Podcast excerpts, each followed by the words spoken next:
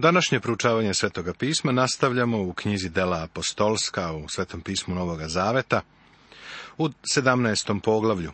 Od 16. stiha nastavljamo naše razmatranje teme Pavle u Atini.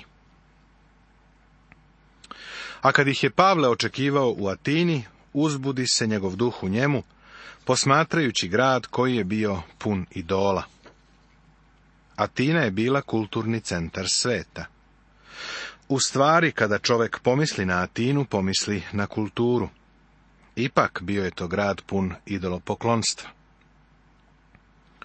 I raspravljao je sa judejima u sinagogi i svakodnevno na trgu sa bogobojaznim ljudima koji su se tu našli. Kada sam bio u Atini, otišao sam na pijacu. Nalazi se pravo ispod Akropolja. Zamišljao sam kako Pavle tuda prolazi gore dole. Znaš, on je pravio šatore, pa mislim da je tu prodao nekoliko šatora. Dok je prodavao šatore, govorio je o gospodu Isusu Hristu. Ljudi su počeli da se interesuju.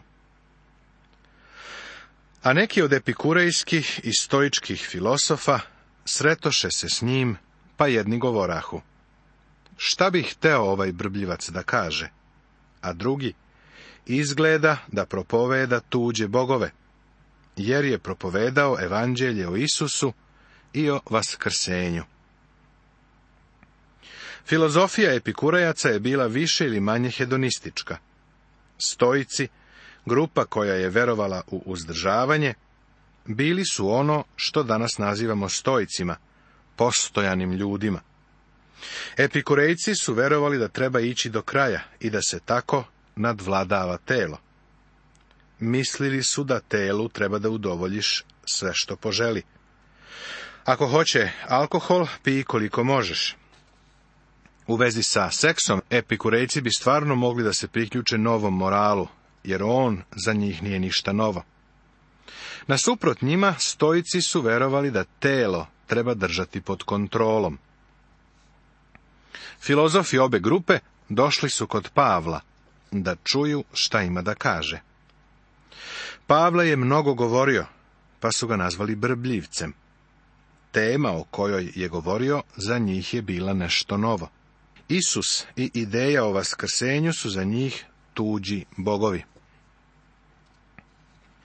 Čujem i danas kako ljudi govore da je apostol Pavle tu ideju stekao iz platonizma kažu da nije zaista verovao u vaskrsenje tela, već u platonsku ideju duhovnog vaskrsenja.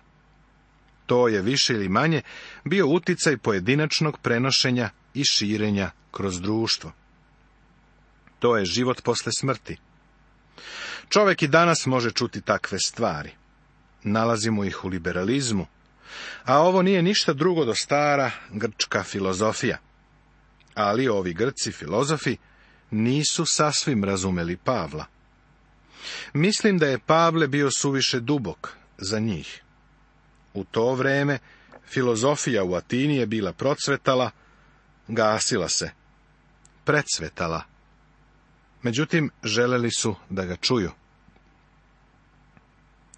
Najzad ga uzeše, odvedoše na aeropag i rekoše, možemo li da doznamo kakva je to nova nauka koju ti kazuješ. Areopag je veoma osobena stena na vrhu koje se nalazi Partenon i građevine koje su sa njim povezane. Iskreno govoreći, prizor je divan. Divne su građevine i statuje, ali je ceo grad bio idolopoklonički. Nalazi se iznad pijace, pa je Pavlo odveden gore da govori.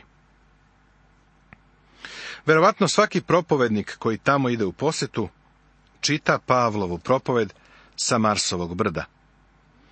Kada sam ja tamo bio, jedan drugi propovednik je počeo da je čita, a pošto mi se način njegovog čitanja nije svideo, otišao sam na drugu stranu stene. Sedeo sam tamo u tišini i čitao svoje sveto pismo.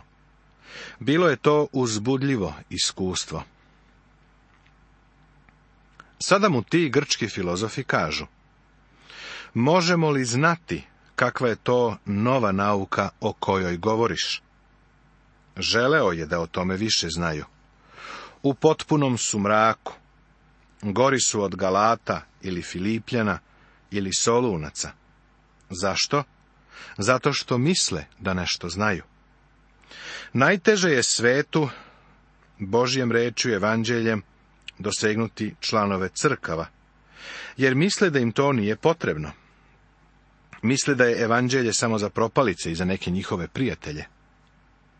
Neki članovi crkava su zli i grešni, a ipak ne shvataju da im je potreban spasitelj, ne samo da bi ih spasao od greha, već i da bi njihov život učinio ugodnim i vrednim Bogu. Puniš nam uši nečim čudnovatim, Hoćemo, dakle, da znamo šta je to. A svi Atinjani i stranci među njima imali su vremena samo za to da neku veću novost kažu ili čuju. Na ovaj isti način Amerika propada. Da li si nekada slušao neki show program? Strašno su dosadni. Svi se trude da se pojave sa nečim novim, svako nastoji da kaže nešto novo. Tako uporno se trude da kažu nešto pametno i prefinjeno, pa ipak sve je to ista stara priča. Atina je pokušavala isto. U Atini je sigurno bilo mnogo skitnica i danguba. Nisu bili zaposleni, ništa nisu radili. Samo su pričali, iznoseći nove teorije i ideje. Ljudski rod kao da dostiže taj nivo prefinjenosti misle da znaju nešto što ne znaju. Ne znaju najvažniju stvar na celom svetu.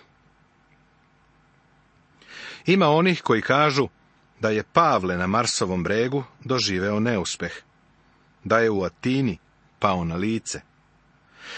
Nikako se ne slažem sa njima.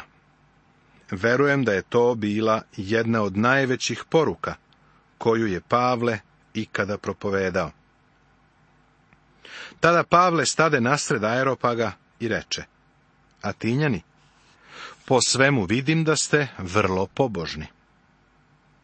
Vrlo formalno započinje svoju poruku. Atinjani. Zatim kaže, po svemu vidim da ste vrlo pobožni. Reč je bolje prevesti sa religiozni. Atinjani su bili vrlo religiozni. Bili su puni idola panteon Atinjana i Grka je delovao kao da nema kraja.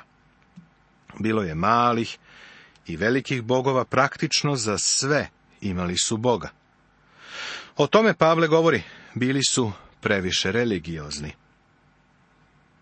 Ponekad čujem kako ljudi kažu, zašto da misionari idu u stranu zemlju? Ti ljudi tamo imaju svoju religiju. Kada je Pavle otišao u Atinu, pretpostavljam da je neko rekao, Zašto ideš tamo? Oni imaju religiju. Apostol Pavle im je sigurno odgovorio, u tome i jeste njihov problem, imaju previše religije. Jedan moj prijatelj propovednik mi je pre mnogo godina rekao, kada sam došao Hristu, izgubio sam religiju. U današnjim crkvama ima mnogo ljudi koji treba da izgube svoju religiju da bi našli Hrista to je veliki problem. Neki kažu, ljudi su suviše loši da bi bili spaseni. Stvarni problem je u tome da su ljudi previše dobri da bi bili spaseni. Misle da su religiozni i vredni i dobri. Prijatelju, evanđelje treba da nosimo svim ljudima, jer su bez Hrista svi izgubljeni. Iz tog razloga je Pavle otišao u Atinu. Atinjani su trebali da čuju poruku evanđelja. Zapazi da u Atini Pavle nije ušao u sinagogu. U Atini nije imao odskočnu dasku. Svoje remek delo govorništva započinje rečima Atinjani. Nakon što je izneo svoje zapažanje, da su suviše religiozni, on nastavlja. Prolazeći naime i posmatrajući vaše svetinje, našao sam jedan žrtvenik, na kojem je bilo napisano nepoznatom Bogu. Što vi, dakle, nepoznavajući poštujete, to vam ja objavljujem. Posmatrajući vaše svetinje. Pavle je video predmete njihovog obožavanja. Zapazio je oltare, idole i hramove. U stvari taj divni hram po imenu Partenon bio je sazdan Atini, boginja Atinjana. Svuda unaokolo bili su idoli. Pavle je rekao, sve to sam posmatrao, a među idolima sam pronašao jedan oltar, na kome je bilo napisano nepoznatom Bogu. Oltar nepoznatom bogu je mogao da znači i to da su Atinjani bili širokoumni. Nikoga nisu hteli da izostave. Ako bi neko došao u Atinu i rekao, kako to da nemate oltar za moga boga? Oni bi mu odgovorili, pa evo, ovaj oltar je za tvoga boga. Tako je svaki stranac mogao doći da slavi na oltaru nepoznatoga boga, verujući da je oltar sazdan baš za njegovog boga. Ili je opet ovo moglo značiti da su oni uviđali da postoji bog kojeg nisu poznavali. Mnogi neznabošci shvataju da iza njihovog idolopoklonstva postoji živi i istiniti bog. O njemu nisu ništa znali, pa ne znaju ni kako da mu priđu imaju tradiciju koja seže u maglovitu i daleku prošlost, kada su ga njihovi preci obožavali. I to je mogao biti slučaj sa Atinjanima. Pavle ovo koristi kao odskočnu dasku za svoju poruku. On kaže da želi da im govori o tom nepoznatom Bogu. Kaže da želi da im govori o Bogu kojega ne poznaju. Možda ovo nije neki diplomatski pristup. Nakon svega Atinjani su mislili da znaju sve. Ovo mnoštvo filozofa se okupljalo u Atini i razgovaralo uzduž i popreko, kao što čine danas filozofi na fakultetima. Sada Pavle počinje da im govori o Bogu kojega ne poznaju. Ko je on? Pa pre svega on je Bog stvaranja. Bog koji je stvorio svet i sve što je u njemu, kao gospodar neba i zemlje, ne stanuje u rukotvorenim hramovima. Bog je kroz ceo stari zavet jasno pokazao. Čak i kada je Izraelu dao nacrt za šator od sastanka i hram, da on ne prebiva ni na jednoj geografskoj tačci. Solomon je to izrazio i priznao u molitvi za posvećenje hrama. Ali hoće li doista Bog stanovati na zemlji? Eto, nebo i nebese nad nebesima ne mogu te obuhvatiti, a kamoli ovaj dom, što ga sazida. Zapisano je u prvoj knjizi carevima, u osmom poglavlju, u 27. stihu. Ovi ljudi iz Starog Zaveta shvatali su da je Bog stvoritelj, živi Bog, i da ne živi u građevini koju je načinio čovek. Čovek živi u svemiru koji je stvorio Bog. Otkuda čoveku ideja da može da sazida građevinu u kojoj će živeti Bog? Niti prima službe od ljudskih ruku, kao da ima potrebu za čim, pošto sam daje svima život i dah i sve. Ovo je Pavlo majstorski govor. On im kaže, Bog od vas ništa ne traži. Vi njemu zidate oltar, donosite mu žrtve, da ga nahranite. Želeli su da taj nepoznati Bog zna da oni na njega misle. Sada Pavle kaže, Bogu od vas ne treba ništa. Bog je onaj koji daje. Daje vam život. Daje vam dah, dao vam je sunce i mesec i zvezde, sve vam je dao. Atinjani su obožavali sunce. Rekli su da je Apolon dolazio vukući kola preko neba svakoga dana. Pavle kaže da je sunce nešto što je Bog stvorio i da je dar za nas. Stvoritelj je živi Bog. On nam je sve dao. Uzgred da kažem, on daje i spasenje. Ne samo da ti daje fizičke stvari, već i duhovne darove. On je također učinio da sav ljudski rod potiče od jednog čoveka i da se nastani po svoj zemlji. Postavio je određena vremena i granice njihovog nastanjivanja. Bog je stvorio jedan ljudski rod. Ovaj stih ne govori o bratstvu. Jedino bratstvo koje sveto pismo poznaje jeste bratstvo onih koji su u Hristu Isusu. Možda bi trebalo da ispravnije kažem da postoji bratstvo greha. Svi smo grešnici. Fascinantna je Pavlova izjava da je Bog postavio određene vremena i granice njihovog nastanjivanja. Ne samo da je on Bog koji je stvorio svemir i ljudska bića, ali je zanimljivo zapaziti da ih je postavio na određene geografske lokacije. Moj lekar je specijalista za rak. Rekao mi je da se klonim sunca, jer sam plav. Izgleda da postoji čak i medicinski razlog, zbog kojeg je Bog tamnije rase stavio tamo gde sunce jače sija, a svetlije na sever gde nema mnogo sunca. Neki od nas su plavi sa svetlom kožom, pa treba da budemo pažljivi da se ne izlažemo mnogo suncu. Bog je odredio geografske lokacije za svoja stvorenja. Pretpostavljam da su neki od mojih predaka trebali da ostanu tamo gde pripadaju. Možda sam ja ovde u Americi na pogrešnom mestu, ali sam zadovoljan što sam ovde. Trudim se da se pazim i da se zaštitim od previše sunca. Ovo je samo jedna kratka ilustracija. Bog je narode stavio na određena mesta. Zanimljivo je da ono što je u prošlosti izazivalo ratove, jeste to da narodi nisu hteli da ostanu na mestu kome pripadaju, jer žele teritoriju nekog drugog. Ovo je krajnji uzrok svakog rata koji se vodio.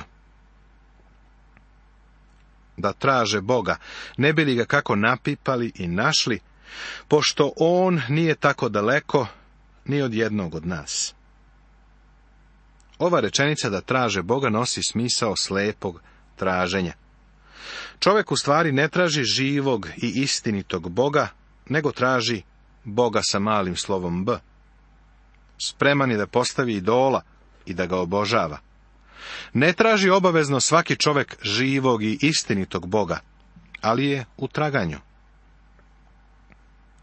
Jer u njemu živimo i mičemo se i jesmo, kao što su i neki od vaših pesnika rekli, i mi smo njegov rod. Ne naziva ih Božim sinovima, već ih naziva Božim rodom. Govori o stvaranju i Božijem odnosu prema stvorenju.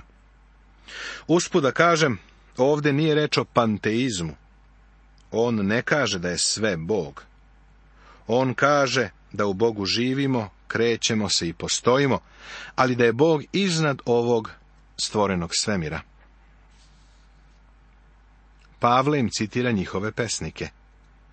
Jedan od citiranih pesnika je Arastus, koji je živeo oko 270 godina pre Hrista. Bio je stoik sa Kilikije. Pesmu je počeo prizivanjem Zevsa u kome je rekao i mi smo njegov rod. Klintes je bio sljedeći pesnik koji je živeo oko 300. godine pre Hrista. I on je napisao pesmu Zevsu u kojoj govori o tome da smo njegov rod. Međutim, Pavle misli na to da smo mi Božija stvorenja, naravno. I pošto smo rod Božiji, ne treba da mislimo da je božanstvo kao zlato ili srebro ili kamen, kao tvorevina ljudske umetnosti i zamisli.